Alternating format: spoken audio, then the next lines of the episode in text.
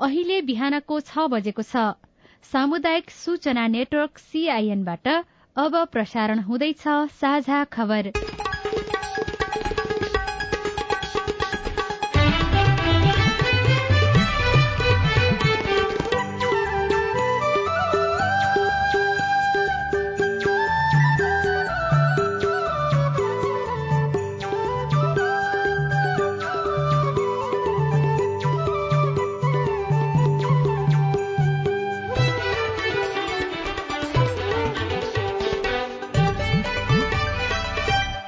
शुभ प्रभात यो सीआईएनको साझा खबर हो। उषा तामाङसँगै राजन रुचालको तपाईँलाई स्वागत छ। सामुदायिक रेडियोबाट देशैभरि एकैसाथ प्रसारण भइरहेको साझा खबर सीआईएन खबर डट कम र मोबाइल एप सीआईएनबाट पनि सुन्न सकिन्छ। आज दुई हजार उनासी साल फागुन पच्चीस गते बिहिबार मार्च नौ तारीक सन् दुई हजार तेइस नेपाल सम्मत एघार सय त्रिचालिस चैत कृष्ण पक्षको द्वितीय तिथि। साझा खबरमा प्रमुख खबरका शीर्षकहरू। राष्ट्रपति निर्वाचन आज पौडेल र निम्वाङ प्रतिस्पर्धामा आजै साँझ सात बजेसम्म परिणाम आइसक्ने तटस्थ बस्ने राप्रपाको निर्णय। स्तन र पाठेघर क्यान्सरको निशुल्क उपचारको व्यवस्था गर्ने प्रधानमन्त्री प्रचण्डको घोषणा। विदेश जाने महिला पाँच वर्षमा दोब्बरले बढ़े सडतिस भन्दा बढ़ी मुलुकमा नेपाली चियाको व्यापार।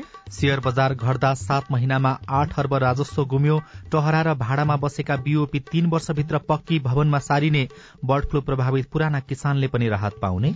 विश्वका समुद्रमा एक सय एकहत्तर ट्रिलियन भन्दा धेरै प्लास्टिकका टुक्रा श्रीलंकामा अप्रेल पच्चीसमा स्थानीय निकायको चुनाव गराउन प्रस्ताव कतारमा नयाँ प्रधानमन्त्री नियुक्त।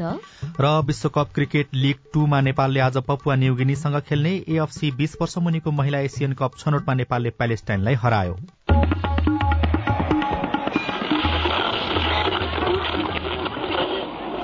रेडियो। हजारौं रेडियो कर्मी। र करोड़ौं नेपालीको माझमा यो हो सामुदायिक सूचना नेटवर्क सीआईएन साझा खबरको सबैभन्दा शुरूमा राष्ट्रपति निर्वाचनको प्रसंग मुलुकको तेस्रो राष्ट्रपतिका लागि आज संसद भवन बानेश्वरमा हुने निर्वाचनमा दुई पूर्व सभामुख रामचन्द्र पौडेल र सुभाष चन्द्र नेवाङ बीच प्रतिस्पर्धा हुँदैछ। कांग्रेसका पौडेललाई नौदलको साथ छ भने एमालेका नेवाङलाई आफ्नो पार्टीको मात्रै भर छ। राष्ट्रपति विद्यादेवी भण्डारीको पाँच वर्ष कार्यकाल आइतबार सकिँदैछ। निर्वाचन आयोगले उहाँको कार्यकाल सकिनु अघि नै नयाँ राष्ट्रपति चुन्न लागेको हो। बिहान दस बजे शुरू भई मतदान अपरान्न तीन बजेसम्म हुनेछ।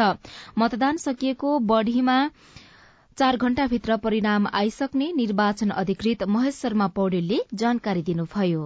मतदान दस बजेदेखि तीन बजीसम्मको कार्यक्रम हुन्छ त्यो अवधिमा। मतदानका लागि दुईवटा मतदान केन्द्रहरूको व्यवस्था गरिएको छ। एउटा संघतर्फका मान्य सदस्यहरूले मतदान गर्ने केन्द्र र अर्को प्रदेशतर्फका मान्य सदस्यहरूले मतदान गर्ने केन्द्र। यी दुवै केन्द्र अन्तर्राष्ट्रिय सम्मेलनको संसद सचिवालयको लोत्से हलमा राखिएको छ निर्माण गरिएको छ। निर्वाचन प्रतिनिधि निर्वाचनमा प्रतिनिधि सभाका दुई सय बहत्तर राष्ट्रिय सभाका उनासाठी र सातै प्रदेश सभाका पाँच सय पचास गरी आठ सय एकासी मतदाताले भाग लिनेछन्। संघीय संसदका सदस्य र प्रदेश सभाका सदस्यको मतभार फरक छ। संघीय संसद सदस्यको मतभार उनासी छ भने प्रदेश सभा सदस्यको अडचालिस छ। दुवै सभाको तत्काल कायम रहेका मतदाताको कुल मतभार भने बाहन्न हजार छ सय अठाइस रहेको छ। केही दिन अघि मृत्यु भएका जसपाका प्रतिनिधि सभा सांसद सहनाज रहमानको मतभार पनि यसमा जोडिएको छ। आयोगले सार्वजनिक गरेको अन्तिम मतदाता नामावलीमा उहाँको नाम पनि समावेश छ। निर्वाचन अधिकृत पौडेलले रहमानको मृत्यु भएको जानकारी आइ नसकेकाले उहाँको मतभार कायम राखिएको बताउनुभयो। निर्वाचन आयोगका कानून महाशाखा प्रमुख यज्ञ प्रसाद भट्टराईले निर्वाचन अधिकृतले के गर्ने भनेर निर्देशन मागेमा आयोगले निकास दिने बताउनुभयो। निर्वाचनमा चौधवटा दलले सहभागिता जनाउँदैछन्। राप्रपाले राष्ट्रपति निर्वाचनमा भाग नलिने घोषणा गरेको छ। पार्टीको सिद्धान्त राजसंस्था भएकाले राष्ट्रपतिको निर्वाचनमा भाग नलिने निर्णय गरेको अध्यक्ष राजेन्द्र प्रसाद लिङदेनले जानकारी दिनुभयो। सैद्धान्तिक रूपमा राष्ट्रपति भन्ने संस्थासँगै हाम्रो फरक मत छ त्यो संरचनासँगै फरक मत छ त्यो त आफ्नो ठाउँमा छँदैछ। तर त्योभन्दा पनि अहिले राष्ट्रपतिलाई संविधानले जुन संवैधानिक अथवा सेरेमोनियल संस्थाको अभिभावकीय संस्थाको निष्पक्ष संस्थाको रूपमा परिकल्पना गरेको छ अहिले उम्मेद्वार बन्नुभएका दुवै उम्मेद्वारहरू सक्रिय राजनीतिमा रहनु भएको दुवैजना भर्खरै एउटा एउटा पार्टीबाट संसदमा प्रतिनिधि सभामा निर्वाचित हुनुभएका व्यक्तित्वहरू हुनुहुन्छ। उहाँहरूबाट त्यो अभिभावकीय भूमिका र त्यो निष्पक्षताको चाहिँ हामीले परिकल्पना गर्न सकेनौँ।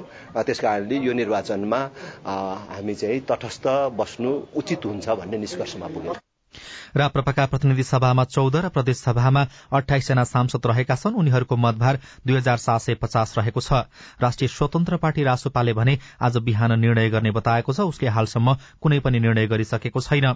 तत्काल कायम रहेको कुल मतको बहुमत प्राप्त गर्ने व्यक्ति राष्ट्रपति निर्वाचित हुनेछन्। कुनै उम्मेद्वारले बहुमत प्राप्त गर्न नसकेमा दोस्रो चरणमा बढ़ी मत प्राप्त गर्ने दुईजना उम्मेद्वारबीच प्रतिस्पर्धा हुने प्रावधान रहेको छ। त्यस्तो मतदानमा कुल मतको पचास प्रतिशत भन्दा बढ़ी मत प्राप्त गर्ने उम्मेद्वार राष्ट्रपति निर्वाचित हुने व्यवस्था रहेको छ। यो मतदानबाट पनि कुनै उम्मेद्वारले पचास प्रतिशत भन्दा बढ़ी मत प्राप्त गर्न नसकेमा पुनः मतदान हुनेछ।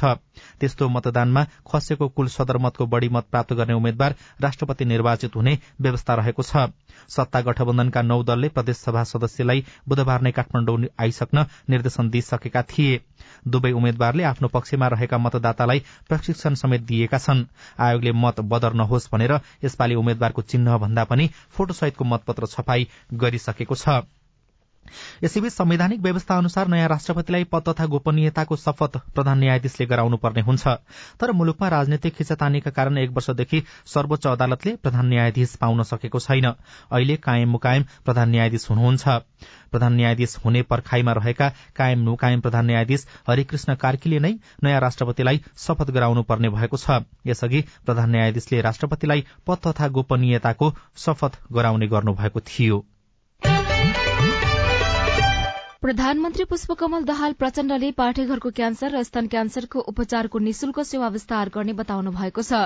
दहालले महिलामा देखिने पाठेघर स्तन क्यान्सरको पहिचान अनि उपचारलाई विशेष कार्यक्रमका रूपमा निशुल्क सेवा विस्तार गर्ने बताउनु भएको हो। वहाँले पाठेघरको क्यान्सर रोकथामका लागि नौदेखि तेह्र वर्षका बालिका लक्षित एचपीभी खोप कार्यक्रमलाई देशव्यापी विस्तार गरिने समेत जानकारी दिनुभयो।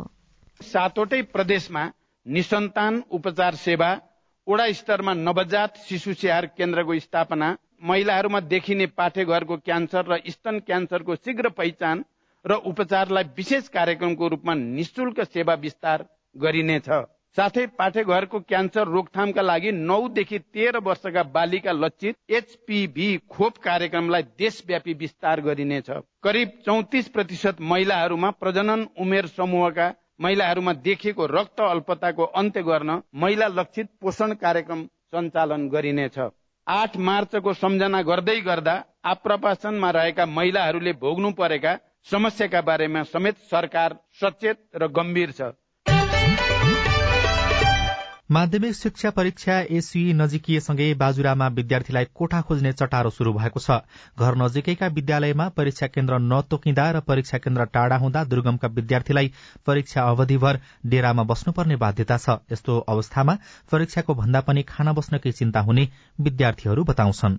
जनप्रकाश माध्यमिक विद्यालय कोल्टीमा कक्षा दसमा अध्ययनरत रेता विष्टलाई एसईई परीक्षाको भन्दा पनि खाना बस्नकै चिन्ता छ। चैतमा हुने एसईई परीक्षा आउन धेरै दिन बाँकी छैन विष्टलाई भने कोठा खोज्ने हतारो छ। वाइ परेको छ त्यही कोठा भाडा लगेर बस्नुपर्छ। खै कोठा भाडा पनि महँगो हुन्छ। हामीलाई त इक्जाम भन्दा पनि कोठा भाडाको चाहिँ बढी चिन्ता लाग्छ। चैत सत्र गतेदेखि सञ्चालन हुने माध्यमिक शिक्षा परीक्षा एसई आउन अब एक महिना पनि बाँकी छैन। परीक्षाको मिति नजिकिएसँगै बाजुराका विद्यार्थी खान र बस्नको चाँचो पाँचो मिलाउन जुटिरहेका छन्। तर यस्तो अवस्थामा विपन्न समुदायका विद्यार्थीलाई थप समस्या हुन्छ। विद्यार्थी ख्यामराज रोकाया परीक्षाको तयारी भन्दा पनि बस्ने कोठा र खर्चको तयारी गर्नुपर्ने सुनाउनुहुन्छ। पहिलादेखि त्यस्तै छ वाइ गरिदिनुपर्छ। समस्या छ हामीलाई कोठा खोज्नुपर्छ खर्च सर्च मिलाउनुपर्छ त्यो हल्का गाह्रो छ। सहज स्थानमा परीक्षा केन्द्र नहुँदा दुर्गम तथा पहाडी जिल्लाका विद्यार्थीले विभिन्न समस्या खेप्दै आएका छन्। तोकिएका परीक्षा केन्द्रमा जान एक दिनसम्म लाग्ने अवस्थामा परीक्षा केन्द्र थप भए सजिलो हुने शिक्षक अनुज राज गिरीको भनाइ छ। डेरा गरेर बस्नुपर्छ होइन? साथमा अभिभावक पनि जानुपर्छ होइन? अब समस्या त छ नि। टाढाभन्दा अलिक नजिकै अर्को सेन्टर राखेर त्यस्तो गर्न पाए राम्रो हुन्थ्यो। बाजुरामा यस वर्ष नियमित तर्फ तीन हजार छयत्तर र ग्रेड वृद्धि तर्फ सतासी गरी कुल तीन हजार एक सय त्रिसठी विद्यार्थी एसई परीक्षामा सहभागी हुनेछन्। ती मध्ये एक हजार छ सय सत्ताइस छात्रा र एक हजार पाँच सय छत्तिस छात्र छन्। तर ती विद्यार्थीका लागि जिल्लाका नौवटा स्थानीय तहमा पन्ध्रवटा मात्रै परीक्षा केन्द्र तोकिएको छ। जिल्ला शिक्षा समन्वय इकाइ बाजुराका सूचना अधिकारी लाल बहादुर विष्ट यो वर्षमा हाम्रो कुल विद्यार्थी संख्या तिन हजार एक सय त्रिसठी जना रहेका छन्। जसमध्ये तिन हजार छिहत्तर नियमित तर्फ छन् भने अनि ग्रेड तर्फ सतासी जना छन्। गत वर्ष एसई परीक्षाका लागि बाजुरामा सोह्रवटा परीक्षा केन्द्र तोकिएको भए पनि यस वर्ष एउटा घटाइएको छ। भौगोलिक विकटतालाई मध्यनजर गर्दै परीक्षा केन्द्र थप्नु पर्नेमा उल्टो घटाइएको भन्दै विद्यार्थी र अभिभावक असन्तुष्ट छन्। Jeevan Kaila CIN radio Budhinanda Kolti Bajura.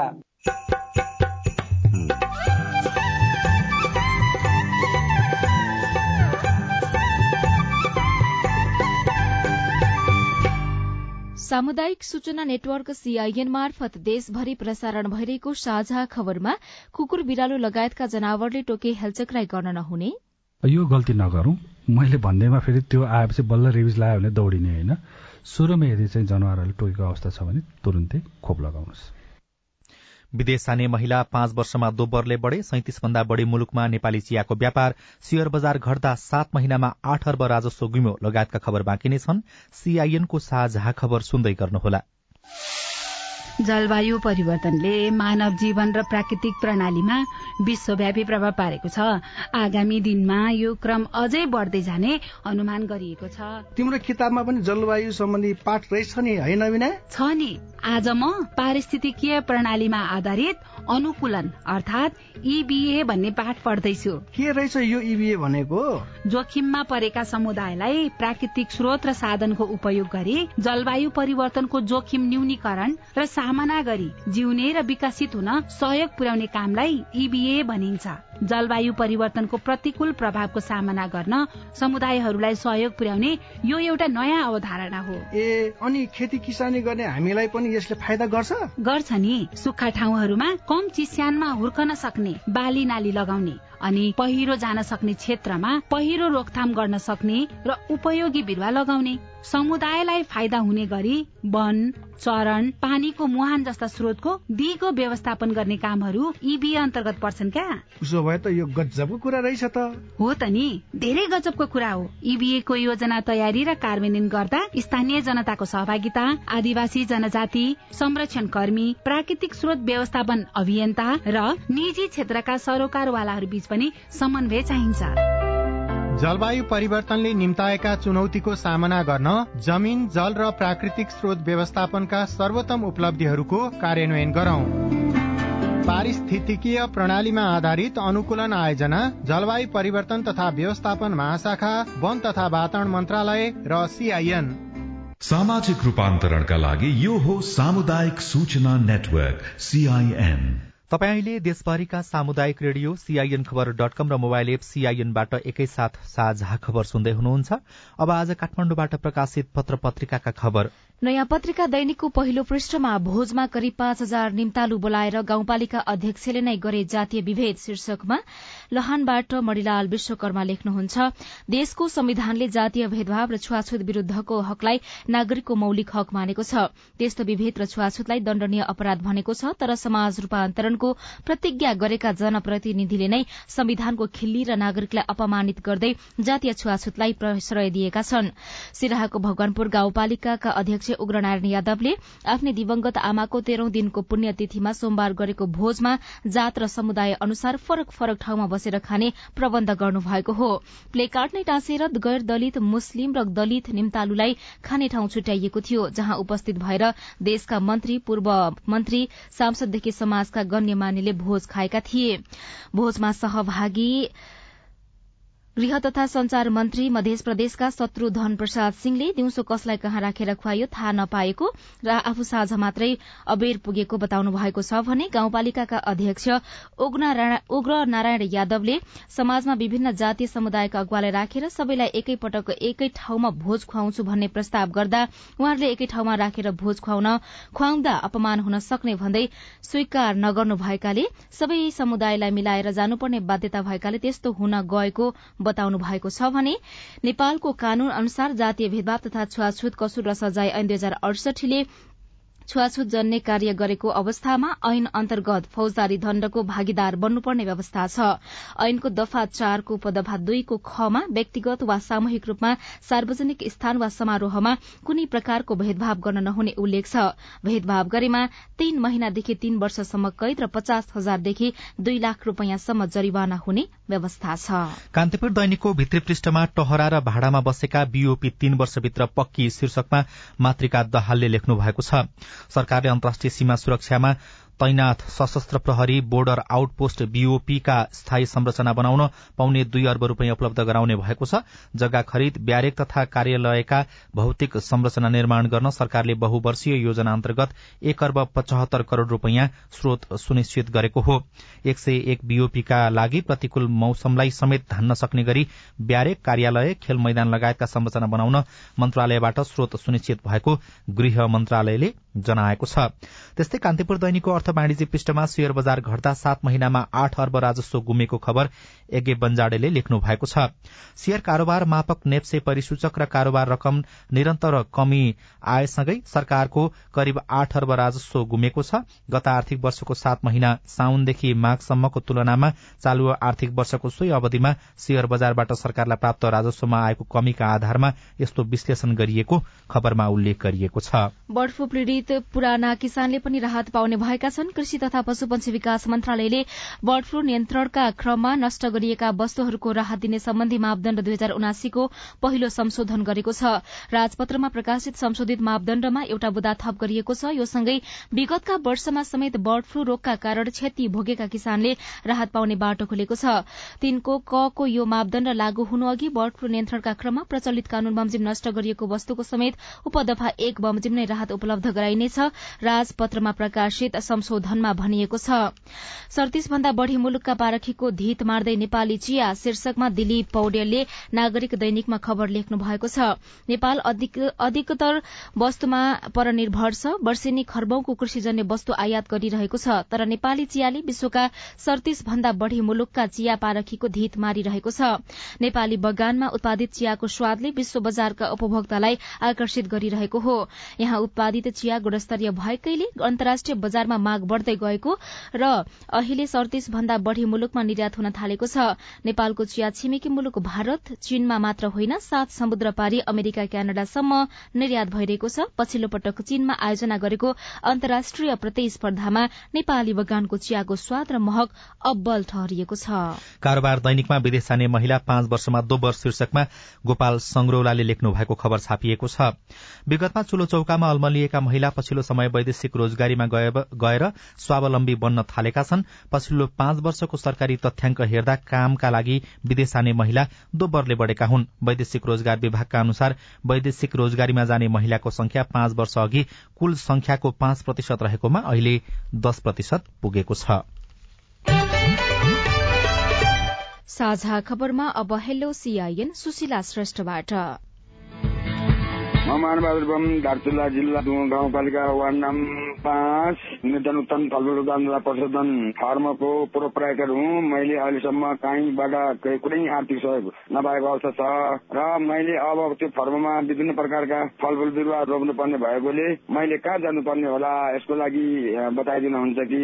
जवाफ दिँदै हुनुहुन्छ दुहु गाउँपालिका दार्चुलाका कृषि शाखा प्रमुख धीरज सिंह बोहरा। फलफुलको बिरुवाको लागि अब त्यो आफूले कुन कुन बिरुवा लगाउन चाहिएको हो। अब अहिले यो ओखरको बिरुवाहरू टर्कीबाट यताउताबाट पनि त्यो आयात गरिएर बिक्री वितरण गर्ने एग्रोभेटहरूदेखि लिएर सप्लायर्सहरू थुप्रै छन्। तिनीहरूसँग सम्पर्क गर्न सकिन्छ। र अनुदानको लागि अब यो सीमा अनुदान कार्यक्रमहरू प्रदेश कार्यालय कृषि ज्ञान केन्द्रबाट र गाउँपालिकाबाट पनि त्यो अनुदानको कार्यक्रमहरू दिने कार्यक्रमहरू हुन्छन्। अनि बेला बेलामा समय समयमा सूचनाहरू खोलिएको हुन्छ। त्यो बेला सम्पर्क गर्ने आवेदन दिने आवेदन दिएपछि त्यसमा पर्न सफल भयो भने अनुदान प्राप्त गर्न सक्नुहुन्छ। फलेवास नगरपालिका पर्वतका हरिबहादुर थापा आफ्नो राहदानीको मिति सकिन अब साढे दुई महिना बाँकी रहेको बताउँदै वैदेशिक रोजगारीमा जान सकिन्छ कि सकिन्न भन्ने जिज्ञासा राख्नुहुन्छ। हरिजी तपाईँको जिज्ञासा हामीले वैदेशिक रोजगार विभागका निर्देशक कृष्ण प्रसाद भूषाललाई सोधेका छौं। वैदेशिक रोजगारीमा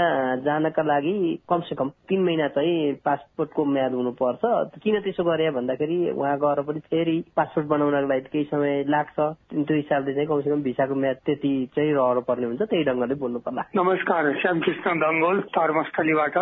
हाम्रो यो काठमाडौँको तारकेश्वर नगरपालिकाको साना पसले व्यापारीदेखि लिएर ठुला पसले व्यापारीहरूले पनि बढी मूल्य लिएर दैनिक उपभोगीका सामानहरू बेचिरहेका छन्। यसका साथै उत्पादन मिटिसकेका सामानहरू पनि पसलमा छ्यापछ्याप्ती बेच्न थालिएका छन् र बजार अनुगमन टोली पनि अहिले मौन भएर बसिरहेको छ। यस विषयमा हामीले तारकेश्वर नगरपालिका काठमाडौँका प्रमुख प्रशासकीय अधिकृत डाक्टर कृष्ण बहादुर घिमिरे घिमिरेलाई सोधेका छौँ। बजार अनुगमन टोली मौन बसेका छैन अब हजुरको जानकारीमा आएकै आएन हामी चाहिँ एक्टिभली हेर्दैछौँ। सात दिन अगाडि पनि एउटा टिम बजारमा पठाएको थियौँ। अब फेरि पनि हामी पठाउँछौँ। अहिले बिचमा यो बिदाकै दिनहरूमा चाहिँ केही नहोला। तत्काल हामी उपभोक्ताको हित संरक्षण गर्ने उद्देश्यले नगरपालिका अगाडि बढ्छ म हजुरलाई त्यो एसियर गराउन चाहन्छु।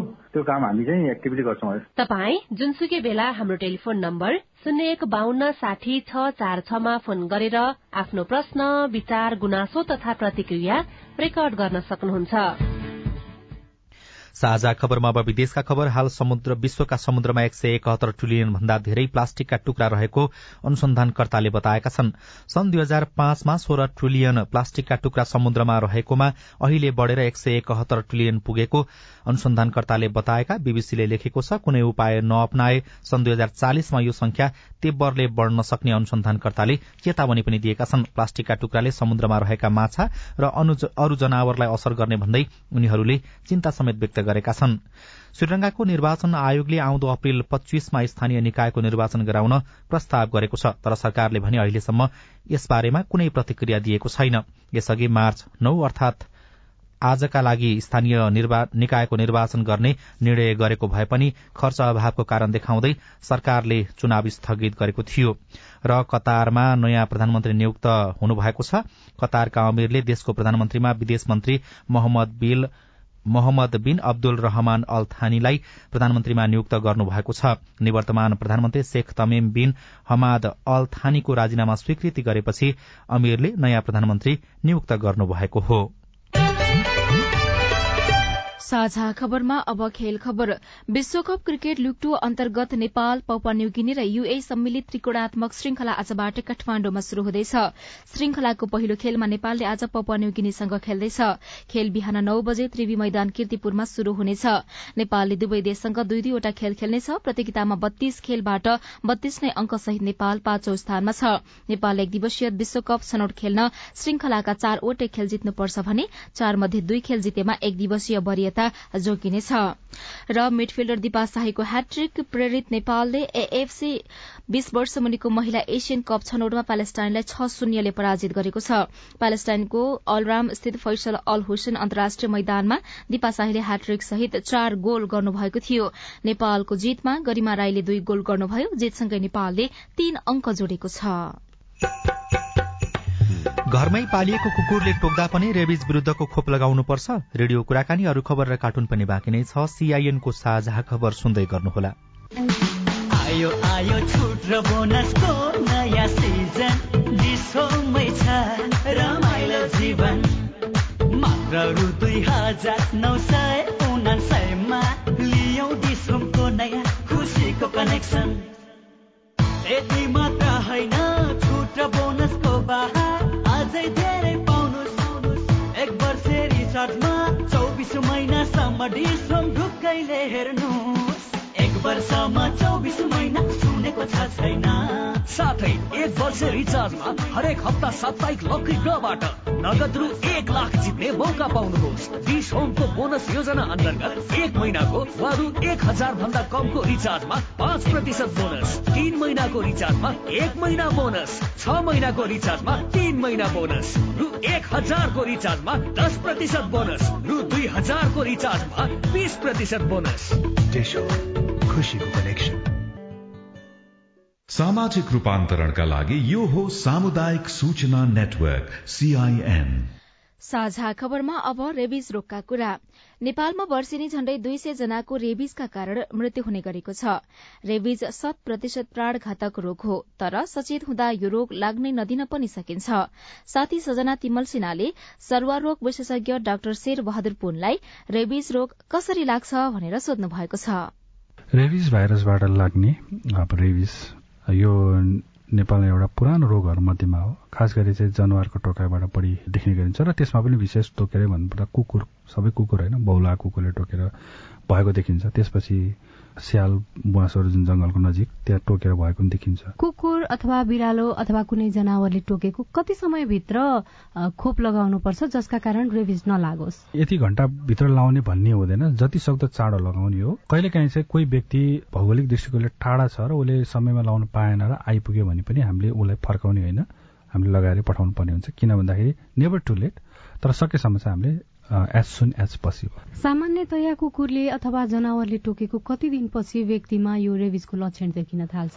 औँलाको टुप्पाहरू घाँटीभन्दा माथि घाउहरू छ भने चाहिँ त्यो छिटो देखिन सक्छ। भनौँ एक महिनाभित्रै पनि देखिन्छ। कि अघि मैले भनेको ठाउँ बाहेक अरू ठाउँ टोकेछ भने चाहिँ छदेखि आठ महिनामा देखिएको छु मैले चाहिँ अधिकांशको। घरपालुवा कुकुरले टोकेको खण्डमा ए हामीले त यसलाई सुई लगाएका छौँ नियमित रूपमा तपाईँले लगाउनु पर्दैन भन्ने खालको कुराहरू पनि आउँछ। खासमा कुकुरलाई लगाएपछि व्यक्तिलाई त्यो कुकुरले टोकेपछि रेबिस विरुद्धको सुई नलगाए पनि हुने हो। भ्याक्सिन लाग्यो राम्रो तर कुकुरले भ्याक्सिन लाउँदा लाउँदै पनि त्यो अरू कुकुरसँग बाहिर डुल्ने होइन लड्ने झगडा गर्ने गर्छ भने चाहिँ म घरमै पालेको भने लगाऊ भन्छु। गाउँघरमा कतिपय अवस्थामा के चाहिँ भएको मैले पाएँ भन्दाखेरि घरमा पालेको कुकुरले टोकेको हुनाले नलागेको तर यस्तो भयो भनेर आएकाहरू छ। त्यो चाहिँ के हुँदो रहेछ भन्दाखेरि घरमा सुत्ने खाने दिउँसोभरि घुम्ने। भनेपछि त्यो कुकुर कहाँ जान्छ के जान्छ कति कुकुर जनावरसँग फाइट गर्यो झगडा गर्यो त्यो थाहा नहुँदो रहेछ। त्यसले गर्दाखेरि त्यसरी भएको पनि मैले पाएको छु। र काठमाडौँमा त सामान्यतया त्यस्तो त हुँदैन। कम्पाउन्डभित्रै हुन्छ राम्रै भ्याक्सिन लगाइदिएर हुन्छ। यति गर्दा गर्दै पनि कुकुर चाहिँ बेला बेलामा बाहिर जाने अरू कुकुरसँग झगडा गर्ने गऱ्यो भने चाहिँ लगाउँ भन्ने गर्छौँ। र यसको एउटै कारण हो अब खोपमा एकरूपता त्यसको क्वालिटीको कुराहरू चाहिँ मा त्यति हामीले सबैमा एउटै नभएको हुनसक्छ भन्ने आधारमा हो। किन त्यस्तो भन्यो भन्दाखेरि चाहिँ रेबिज एकपटक लागिसकेपछि चाहिँ यसको उपचार छैन। तपाईँले यसको उपचार छैन भनिरहँदाखेरि व्यक्तिले अब आफ्नो हेलचेक्राइले नजानेर नबुझेर पनि खोप नलगाएको हुनसक्छ। कस्ता खालका लक्षणहरू देखिँदाखेरि चाहिँ यो व्यक्तिलाई रेबिज भएछ अथवा मलाई रेबिज भएछ भनेर बुझ्न सकिन्छ? यो गल्ती नगरौँ। मैले भन्दैमा फेरि त्यो आएपछि बल्ल रेबिज लगायो भने दौडिने होइन। सुरुमा यदि चाहिँ जनावरहरूले टोकेको अवस्था छ भने तुरुन्तै खोप लगाउनुहोस्। यदि हावापानीदेखि डराउन थाल्यो भने चाहिँ पाँच सात दिनमा नै मृत्यु हुन्छ। अब कहिलेकाहीँ अलिकति एक हप्तासम्म पुग्ला अथवा दस बाह्र दिन पनि पुग्ला तर धेरै जसोको चाहिँ पाँच सात दिनमै मृत्यु भएको पाएका छौँ। कुराकानीसँगै हामी साझा खबरको अन्त्यमा आइपुगेका छौं। सामुदायिक रेडियो प्रसारक संघद्वारा संचालित सीआईएनको बिहान छ बजेको साझा खबर सक्नु अघि मुख्य मुख्य खबर फेरि एकपटक। राष्ट्रपति निर्वाचन आज पौडेल र नेवाङ प्रतिस्पर्धामा आजै साँझ सात बजेसम्ममा परिणाम आइसक्ने तटस्थ बस्ने राप्रपाको निर्णय। स्तन र पाठेघर क्यान्सरको निशुल्क उपचारको व्यवस्था गर्ने प्रधानमन्त्री प्रचण्डको घोषणा विदेश जाने महिला पाँच वर्षमा दोब्बरले बढ़े सैतिस भन्दा बढ़ी मुलुकमा नेपाली चियाको व्यापार। शेयर बजार घट्दा सात महिनामा आठ अर्ब राजस्व गुम्यो टहरा र भाडामा बसेका बीओपी तीन वर्षभित्र पक्की भवनमा सारिने बर्ड फ्लू प्रभावित पुराना किसानले पनि राहत पाउने। विश्वका समुद्रमा एक सय एकहत्तर ट्रिलियन भन्दा धेरै प्लास्टिकका टुक्रा श्रीलंकामा अप्रेल पच्चीसमा स्थानीय निकायको चुनाव गराउन प्रस्ताव। र विश्वकप क्रिकेट लीग टूमा नेपालले आज पपुवा न्युगिनीसँग खेल्ने। साझा खबरको अन्त्यमा कार्टुन लिएका छौं। नयाँ पत्रिका दैनिकबाट कर्नर किक शीर्षकमा रवि मिश्रले बनाउनु भएको कार्टुन रहेको छ। पूर्व प्रधानमन्त्री तथा एमालेका अध्यक्ष केपी शर्मा ओलीले वर्तमान राष्ट्रपतिको कार्यकाल सफल भएको र भूमिका निष्पक्ष रहेको भनेर हिजो मात्रै आफ्नो भनाई राख्नु भएको थियो तर केही सन्दर्भमा उहाँको भूमिका निष्पक्ष देखिएन भनेर बेला बेलामा आलोचना पनि हुने गर्छ। ओलीले समेत पक्ष लिनु भएन भनेर यहाँ व्यङ्ग्य गर्न खोजिएको छ। श्रीमान श्रीमती जस्ता देखिने व्यक्ति छन् पत्रिका पढ्दैछन् पत्रिकामा त्यही कुरा लेखिएको छ र श्रीमती चाहिँ केही भन्न खोजिरहनु भएको छ माथि यस्तो लेखिएको छ। भूमिका निष्पक्ष भएन रे। विचरा उहाँबाट पनि जस पाउनु भएन। हौस् त प्राविधिक साथी सुनिल राज भारतलाई धन्यवाद। अहिलेलाई राजन रुचाल र उषा तामाङ विदा भयौं। तपाईँको आजको दिन शुभ होस्। नमस्कार।